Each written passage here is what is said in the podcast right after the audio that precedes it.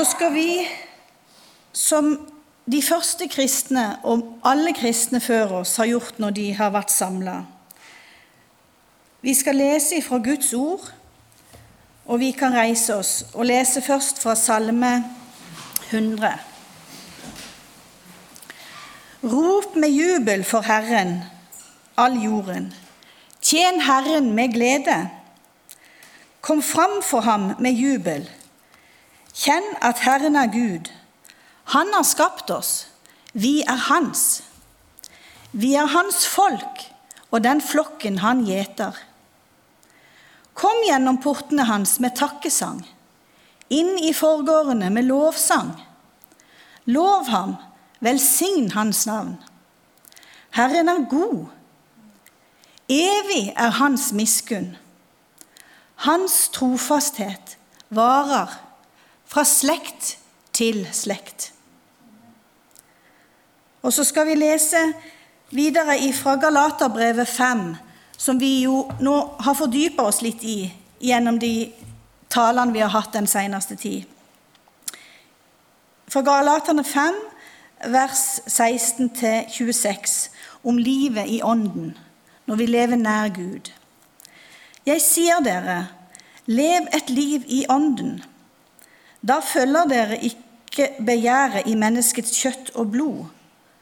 For kjøttets begjær står imot Ånden, og Åndens begjær står imot kjøttet. Disse ligger i strid med hverandre, så dere ikke kan gjøre det dere vil. Men blir dere drevet av Ånden, er dere ikke under loven. Det er klart hva slags gjerninger som kommer fra kjøttet. Hor, umoral, utskeielser, avgudsdyrkelse, trolldom, fiendskap, strid, sjalusi, sinne, selvhevdelse, stridigheter, splittelser, misunnelse, fyll, festing og mer av samme slag. Jeg har sagt det før, og jeg sier det igjen. De som driver med slikt, skal ikke arve Guds rike. Men åndens frukt er kjærlighet glede, fred, overbærenhet, vennlighet, godhet, trofasthet, ydmykhet og selvbeherskelse. Slike ting rammes ikke av loven. De som hører Kristus til, har korsfestet kjøttet med dets lidenskaper og begjær. Lever vi ved Ånden, så la oss også vandre i Ånden. La oss ikke være drevet av tom ærgjerrighet, så vi utfordrer og misunner hverandre. Kjære Jesus, dette var ditt ord. Takk at ditt ord er levende, og at det kan spire og blomstre i oss. Amen. Ja vel, så kjekt å se dere, da. Ja, tusen takk. Det var jo mest en pinsevenn her inne, eller noe sånt. Eh, nå skal jeg bare rigge meg til. Jeg, altså, for 14 dager siden eh, så sang du en sang her. Og du sang den på norsk som heter 'It's Well With My Soul'. Husker du det? Eh, kan jeg ha en liten historie, to minutter, om den sangen? Hvor mange av dere kjenner den sangen 'It's Well With My Soul'? Hvor mange av dere kjenner historien bak den? Noen av dere kjenner historien. Det er en mektig historie fra 18... Sangen er skrevet i 1873. Og av alle ting så har faktisk den en liten kobling mot Flekkefjord. Og det skal jeg fortelle dere. Ehm, det er altså en som heter Horatio Spafford, som har skrevet den sangen. Sangen er jo velkjent. Altså, han spilles overalt. Hillsong har nettopp spilt inn en kjempe, eller for noen år siden en kjempeversjon. Og vi synger den her, og folk synger den over hele verden. Bakgrunnen for sangen er jo at det, det er en tragisk historie om ei mor som er ute og seiler på havet. De er et ektepar. De, til, de er rike, eller har vært rike, bor i Amerika. Skal til Europa for å feriere litt. De skal treffe D.L. Moody og Sankey, som har vekkelser i eh, England. De skal ned til Europa og, og få kreftene igjen.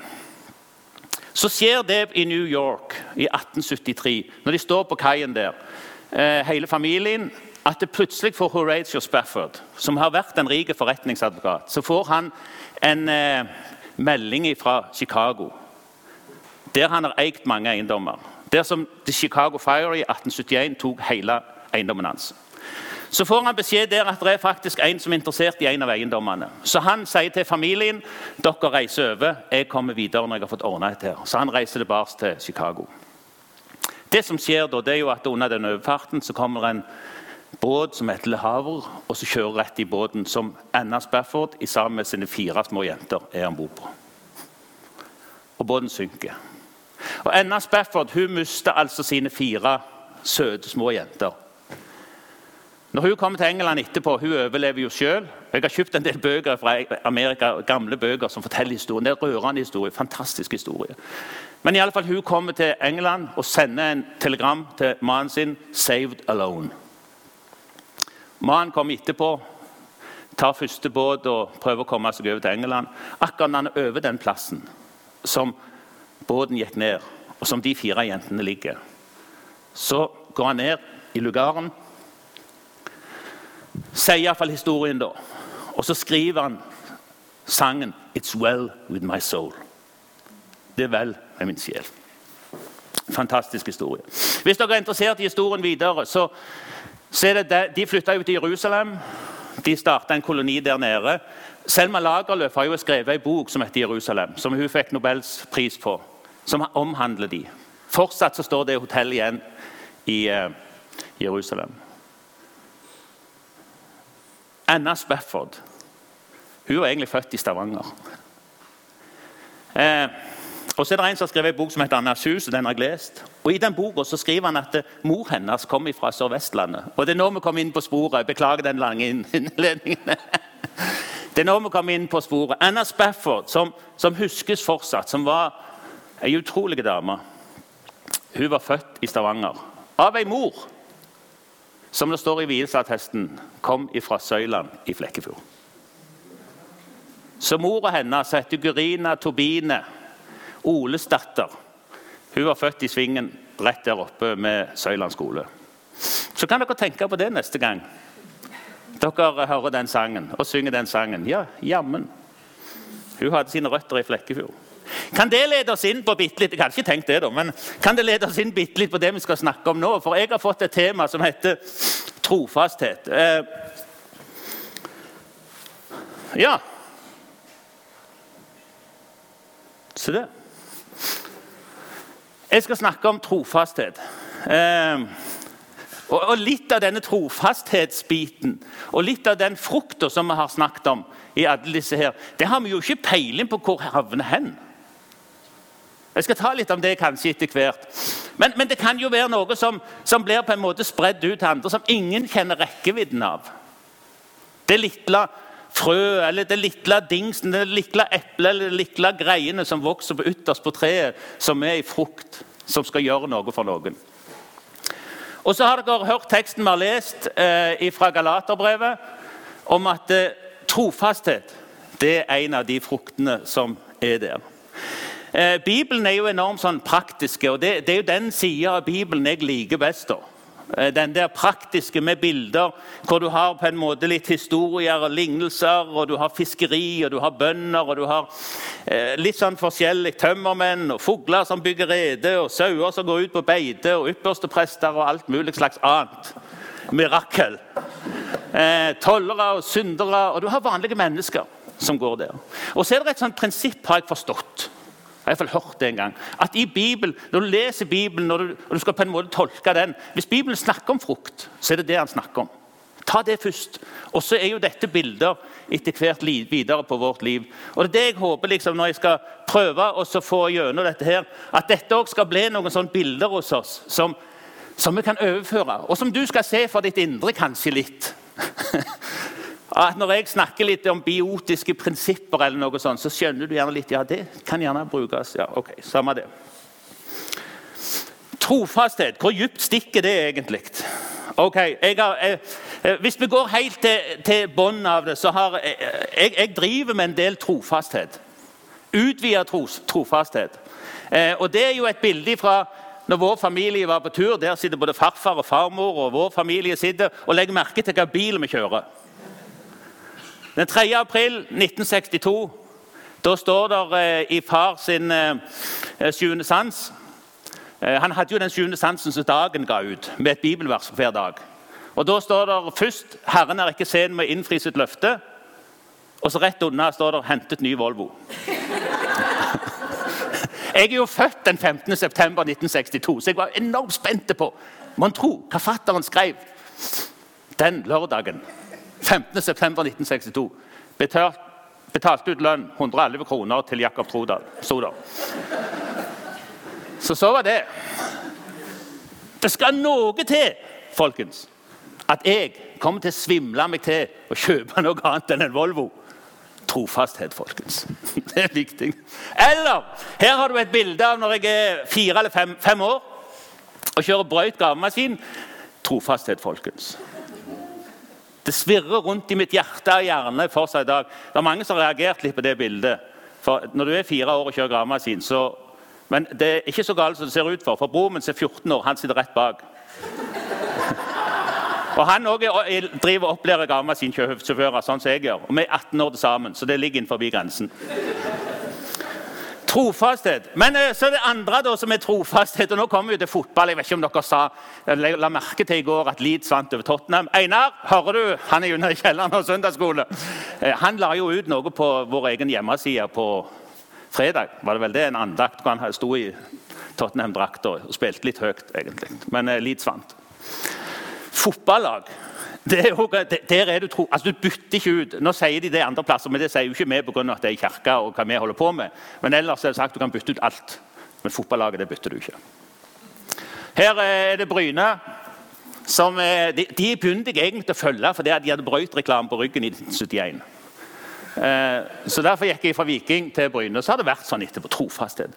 Ellers er det jo Leeds som eh, Og under det siste bildet der jeg i Leeds treffer en av mine store helter, som faktisk døde nettopp nå, Peter Lorimer. Det var stort.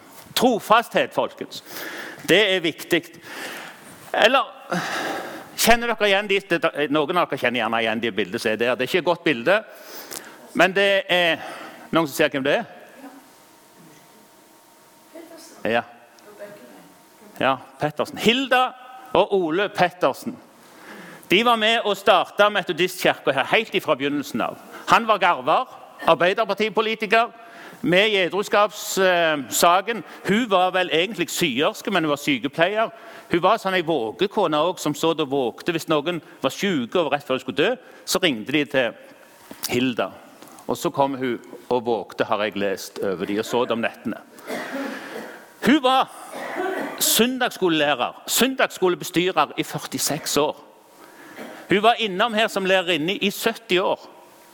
Eh, jeg må bare innom og se hvordan de har det, pleide visstnok å si. Står det iallfall litt i historien om denne. Det var seige karer og damer, altså. Trofasthet mot det kall du har fått, og det du står i. Jeg må bare innom. Åndens frukt den er trofasthet. Jeg har, jeg har tillatt meg å kjøre høyt ut her. Jeg har tillatt meg også å skrive, ta et bilde av familien. Hvor mye betyr ikke det inn? Eh, denne trofastheten vi holder oss til i familien. Barn, ekteskap, det vi lovte i kirka. Den trofastheten, det betyr noe. Og jeg tror at det er noe av det som er åndens frukt i oss, som vi ikke legger så godt merke til, kanskje, som etter hvert vokser. Denne trofastheten òg i oss. Det er en frukt av våre liv, og det er helt fantastisk. Det er jo ikke noe vanskelig å være trofast mot sånne når du har sånne rundt deg.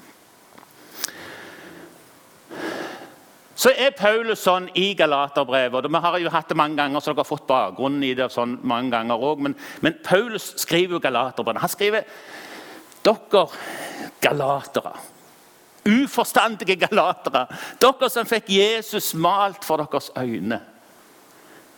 Hvorfor har dere forlatt det? Hvorfor har dere begynt å tro at det, dette her er noe som kommer av våre egne gjerninger? Noe vi kan streve oss til? Nei, det er Jesus alltid sammen. Det livet vi lever, det lever vi i ånden på Han. Når Guds ånd får lede oss, så går det den veien som det skal gå. Paulus sier når den menneskelige naturen, når begjæret i oss, får lede oss, så, så går det gale. Hva hadde vi ramset opp? All slags elendighet. Og Vi kjenner det jo i vår egen kropp at dette ikke bare en, en, en kamp som vi ser lett på. Dette er en kamp i vårt eget liv. Du har det åndelige, å søke Han. Du har det kjødelige eller det menneskelige, det begjæret som vi gir oss sjøl, å tenke på oss sjøl og søke alt det andre. Paulus ønsker å få oss til å forstå i Galaterbrevet at denne kampen vinner du ikke. Aldri alene. Men denne kampen er det en som har vunnet for oss og for meg og deg. Og dette her At det er liksom to ting i oss som, som drar oss, det, det, kjenner vi jo på. Det er akkurat så ja, Hvordan skal du forklare det? på en måte? Akkurat så To hester som drar på hver sin side. Altså, den ene drar den ene veien, og så har du en på den andre siden, og så drar deg den andre veien. Og Så står du der midt imellom. Og så kommer det egentlig til det. Hvem av de to hestene mater vi mest? Det er sånn jeg kjenner det i mitt liv. i alle fall. Hvem av de mater jeg mest? Det er klart at Den som jeg mater mest, den får mest å dra på. Mest krefter. Får meg mest over på den sida.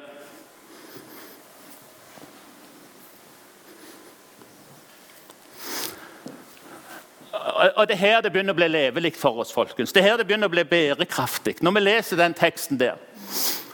Eh, spesielt, ja, men Jeg kan bare lese hele teksten. For om jeg derimot bygger opp det jeg har revet ned, og enda en gang forsøker å bli skyldfri gjennom å være lydig mot loven, da blir jeg en virkelig synder. Det er jo loven som får meg til å synde, og derfor har jeg forlatt loven, ettersom den likevel ikke kunne frelse meg. Ja, jeg døde bort fra loven for å leve for Gud, sier Paulus. Da jeg lot mitt gamle ego bli spikret fast på korset sammen med Kristus. Nå lever jeg, selv om mitt gamle ego er avgått med døden, for Kristus lever i meg. Så lenge jeg lever på jorden, lever jeg altså gjennom troen på Guds sønn. Han som elsket meg og ga livet sitt for å ta straffen for syndene mine på seg.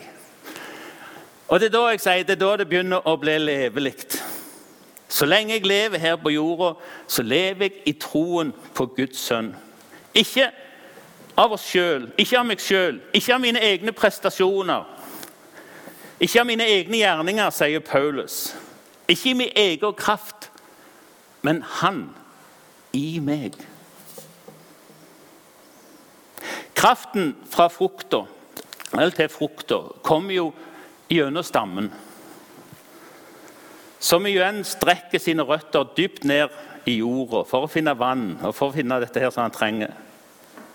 Hvis du ser for deg at du sjøl er på en måte en sånn grein på dette treet som Jesus har beskrevet for oss ellers i Bibelen, som han er. Og på den greina så vokser det frukt. Hvis du tenker at jeg er den ene greina ut forbi der, og tenker liksom at jeg vil jeg har så lyst til å få mitt egen, som min egen kilde, på en måte. Så jeg strekker meg nedover og bøyer meg ned for å få liksom, tuppen av min grein ned i jorda, så jeg kan få kraft derifra. Så kommer det til å være et strev som vi ikke klarer helt å få til. Vi kan gjerne få det til, men vi brekker gjerne av treet. da. Hvis vi prøver å strekke hendene så vanvittig høyt og tror liksom mest med at vi skal nå opp til Han og kjempe i vår egen kraft, så i treets verden så er det de greinene som strekker seg oppover, som blir klippet først. Som bærer minst frukt.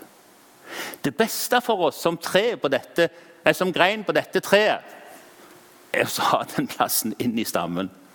Få kraften ifra han. Han ordner jo alt dette her.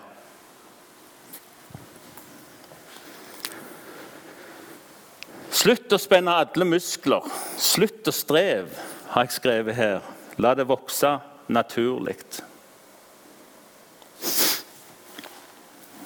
Eh, Den hellige ånd har eh, blitt sendt til oss for at eh, vi skal bære frukt. Og god frukt. Hans frukt.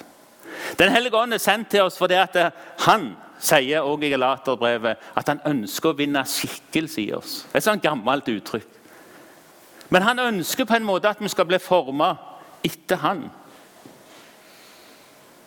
Det er min bønn at jeg skal det. Når jeg ser, eller hører Sjelden jeg hører Båge Samuelsen, men jeg har hørt litt bare før. Når han drar opp gitaren for høyt flyvende her og så synger 'Jeg intet annet ønsker her på ferden' enn blott å være deg et ærens kar. Og få være lys og salt i verden og skinne som en stjerne ren og klar, så kjenner jeg at ja, det er det jeg vil. Får jeg det til? Nei. Aldri. Ønsker jeg det? Ja. Mer enn noe. Og så vet jo ikke jeg hvem som bor i dere. Jeg tror det er noe av det samme. Andre folk kan gjerne se på oss og tenke sitt om så, men ingen vet hva som skjer i vårt hjerte, i vårt innerste ønske. Hva vi egentlig ønsker, hva vi bare ikke får til. Det er akkurat som bibelvers om at det gode jeg vil, det gjør jeg ikke, men det onde jeg ikke vil, det, det er akkurat som det blomstrer opp. Hvem mater jeg? Hm. Tenk oss å bli han lik. Tenk deg at eh, når jeg strekker ut mine hender eller gjør de ting jeg gjør, eller jobber med, eller der jeg går, eller samme hva det er, så er det frukt i mitt liv. Som han deler ut til andre. Det som kommer ut av mitt liv, er hans frukt. Og en av disse fruktene er trofasthet. Jeg vet veldig lite om frukt, egentlig. Jeg vet at det er sunt og godt. Jeg vet at hvis du skal ta av deg noen kilo, så er det smart å spise litt mer frukt. Fem om dagen og vel så det. Men jeg vet at frukta vokser ut av noe. Jeg vet at når frukta er moden til å høstes, så, så, blir det gjort det. Og hvis det ikke blir høsta, så faller det til jorda, og så råtner det. Jeg vet det i det vanlige livet for det har noe med det som sjøfolk opplevde før skjørbuk. At hvis du ikke får frukt, så er det tretthet, uopplagthet, kortpustethet, smerter i muskler og knokler som skjer i menneskekroppen. Så kan vi overføre bildet når vi sier at Bibelen snakker om frukt. Men Bibelen viser også til noen andre ting som kan føre inn i våre liv. Det er viktig med denne frukta. Og så vet jeg det om frukt, at det er godt å være i en hage hvor det er mye frukt, hvor mange trær, hvor det blomstrer, hvor det gir liksom løfte om noe som ligger foran, fram gjennom. Det er grønne enger, det er hvilens vann og alt mulig. Og det er her, i denne gode hagen som vi leste ifra i eh, Salme 100, at treet vokser. At meg og deg er en del av det. Det er i Herrens hage at treet vokser. Det er han som er gartner. Det er han som går og steller på dette. her. Det er han som har ansvar. Det er han som på en måte skal kalle det for er godseier. Som òg er liksom litt avhengig av dette treet som står i hagen min. Det må bære noe frukt. Når modenheten kommer, så plukker han frukta. Og så vet ikke jeg om han pakker det ned og sender det til andre, eller om han deler det ut til naboer, til familie, ukjente. Men jeg vet bare det at når frukta er plukket, så begynner det allerede der å spire ny frukt til neste år. Det kommer igjen. Tenk så herlig å få lov å bo i hans hage og vite at han har full kontroll på det.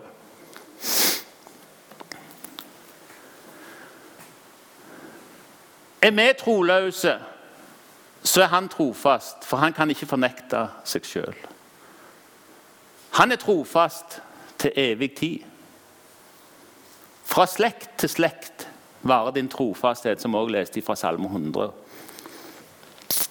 I en tid med omskifting og mange ting som skjer, og kaos kanskje på mange måter, så syns jeg, i alle fall i mitt liv, at det som er av åndens frukt, det er jo en slags stabilisator. Det er noe å lenne seg til. Det er trøst. Alltid trofast. Alltid pålitelig. Det finnes ikke svik. Han kan ikke fornekte seg sjøl. For Når vi snakker om åndens frukt, så er det jo Jesus vi snakker om. Sånn han er.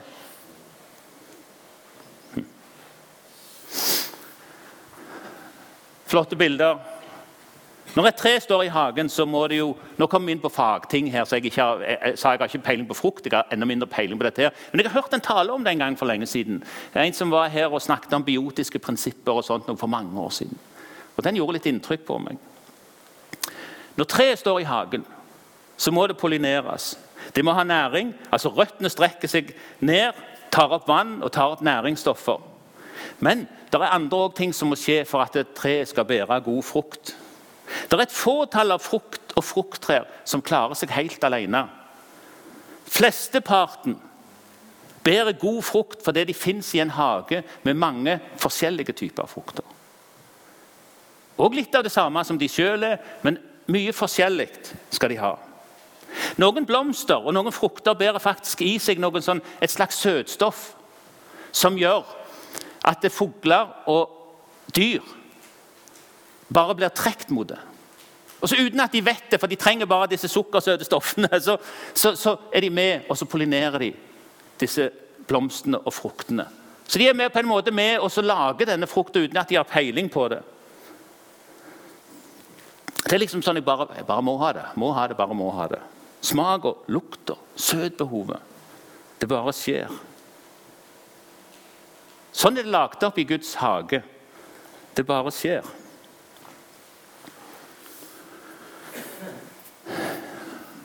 Åndens frukt er trofasthet. Hvem skal høste frukta? Hvem skal nyte den? Hm. Det er gjerne det store spørsmålet. Er det min familie? Er de nærmeste? Kanskje vi tenker liksom at frukta på et tre den, den, er til oss sjøl, men det er jo egentlig ikke det på et vanlig tre. Det er jo andre som nyter det. Det kan være vår familie, vår nærmeste, andre. Ingen vet. Det er jo bare gartneren eller huseieren som vet det. Og Det er som et brød som forkynneren snakker om, så du kaster på vannet. Du vet ikke, Kommer det tilbake igjen? Hvem er det som får det? Men det skaper noe i meg sjøl. Det gir en velsignelse hos meg sjøl, tror jeg. Det å bære frukt. Det omformer meg. Kanskje stille, rolig, over tid. Kanskje jeg ikke engang merker det sjøl. Blir det sånn etter hvert som Galaterbrevet også snakker om, at det, og som vi avslutter egentlig dette kapitlet med, at uh, vi tjener hverandre i kjærlighet? Det gir oss et ydmykt sinn. Det gjør at vi bærer byrdene for hverandre. Det gjør at vi blir oppriktige i vår kjærlighet. For det at frukta den, den vokser best i samspill med mye forskjellig. Hvis frukta står helt alene, så dør han ut etter hvert. Det er noen få som klarer seg. Men som regel så er det det at det vokser sammen med andre. Det er et økosystem, folkens. Vi er en del av noe stort. Det at vi er en del av en menighet som er her, det betyr at vi er en del av en hage hvor meg og deg er en liten grein, men hvor vi er så sinnssykt avhengige av hverandre. Jeg tror vi går helt feil når vi setter oss hjemme og tenker at nå er vi nesten blitt vant med å få gudstjenesten på fjernsyn. Jeg tror vi må treffes, folkens. Jeg tror vi må møtes, vi må se hverandre. Vi må bære hverandres byrder. Det må være noe i oss som det er i noen blomster, at det er noen søtsaker som bare gjør at folk bare må ha det. Det er noe som må skje i våre liv og i vår menighet. At det treet som vi er en del av, det må få lov å blomstre. Sånn at folk sier 'I den hagen, der trives jeg. Der vil jeg være'. Tenk om det at vi kunne legge ned vårt eget strev på en måte og tro at vi skal få til dette her, og så bare la Han få lov og så prege oss og vinne skikkelse i oss. Og at disse åndens frukter får plass i våre liv og så bommer vi, og så går vi feil. Og det gjør jeg. Men vi ønsker seg virkelig det. Kan jeg få lov å avslutte med en sang? Kan dere sette dere ned og så høre på denne sangen her? I ro og fred.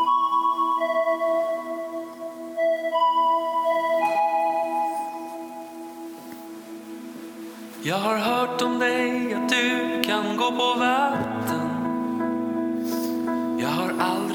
lyckats ta mig särskilt långt. I några fåfänga försök att finna kraften har jag spänt varenda muskel i min kropp. Jag har gått vilse på en väg jag faktiskt känner. Jag har prövat nästan allt men ändå nej. Nu vet jag inte längre vad jag ska ta till. Kan du känna pulsen hamra inom mig? Nu vill jag öppna mitt hjärta och jag vill sluta försöka. Jag ber att denna morgon ska bli en början på något nytt. Det var här någonstans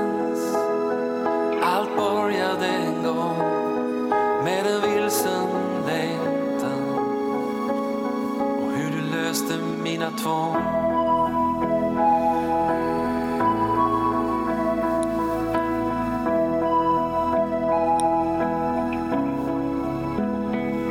Det finns en frihet som går rakt igenom svärtan som inte värjer för mörkrets alla hot som tar med sig all min ensamhet på vägen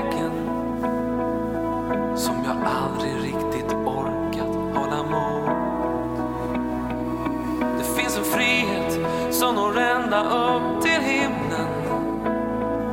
Man kan se den när alla vägar skurits av. När man trängts in bland alla kval och ambitioner. Och den viskar, här kan vi inte stanna kvar.